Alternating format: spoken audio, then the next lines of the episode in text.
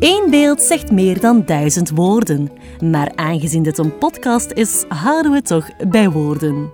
De inspiratie hiervoor ligt wel in de wonderenwereld van de beeldende kunst. Kunst spreekt, prikkelt, provoceert en doet ideeën, emoties of herinneringen ontspringen. Vergeet eens even de drukte, leun achterover en mijmer mee met onze columnisten als ze de vele kleuren van kunst en geloof schilderen in beeldspraak. Met vandaag een column van Jean Bos. Bestaat er wel een taal die geen beeldspraak kent? Ik kan het me nauwelijks voorstellen. Mensen hebben altijd uitdrukkingen, gezegdes of spreekwoorden bedacht om iets duidelijk te maken. Daarbij worden niet zelden beelden gebruikt bij wijze van vergelijking. Neem nu deze. De pot verwijt de ketel dat hij zwart ziet. Nee, je ziet zo'n onbeduidende moor niet tekeer gaan tegen een dominante ketel. Maar de kleine man wijst zo makkelijk op de schuld van een hoger geplaatste om zijn eigen fouten te vergoelijken. U kent dat wel, dat koppige Calimero-gevoel. Zij zijn groot en ik is klein en dat is niet eerlijk. Oh nee. Ouders, de school, de werkgever, de staat, de kerk en haar dienaars, de regering en andere politici hoog en laag, die moeten niets zeggen over mij, want ze hebben zelf boter op het hoofd. En je weet het, wie boter op het hoofd heeft, moet niet in de zon lopen.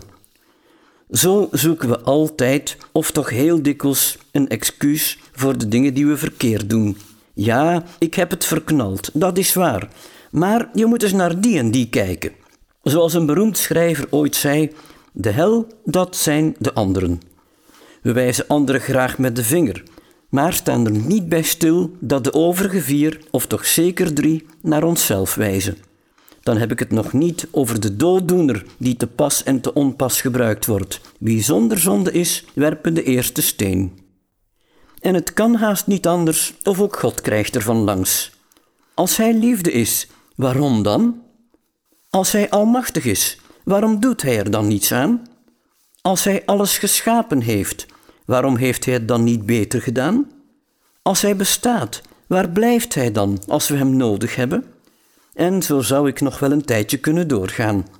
Gemakshalve vergeten we daarbij dat Hij ons gemaakt heeft naar Zijn beeld. Dat wil zeggen, met de mogelijkheid om vrij te kiezen. Bij de eerste, de beste keer dat die vrijheid op de proef gesteld werd, maakten Adam en Eva toch zeker de verkeerde keuze. En hup, daar had je het gedonder in de glazen. Zoals gewoonlijk komt het berouw pas na de zonde. Toen ze merkten dat die keuze onomkeerbaar was, zaten ze natuurlijk met de gebakken peer.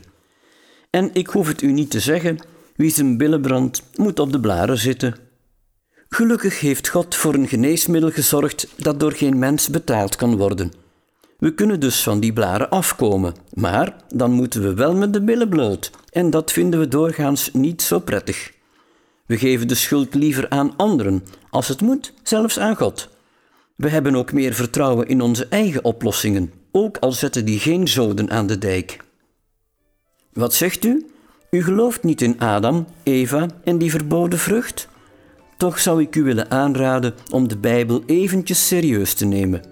Dat is een spiegel die niet bedriegt. Leef daarbij zeker over Jezus, de enige die ons van onze grootste kwaal kan afhelpen, de zonde. Pak die spiegel beet en wees eerlijk met jezelf, want eerlijk duurt het langst, zelfs voor eeuwig.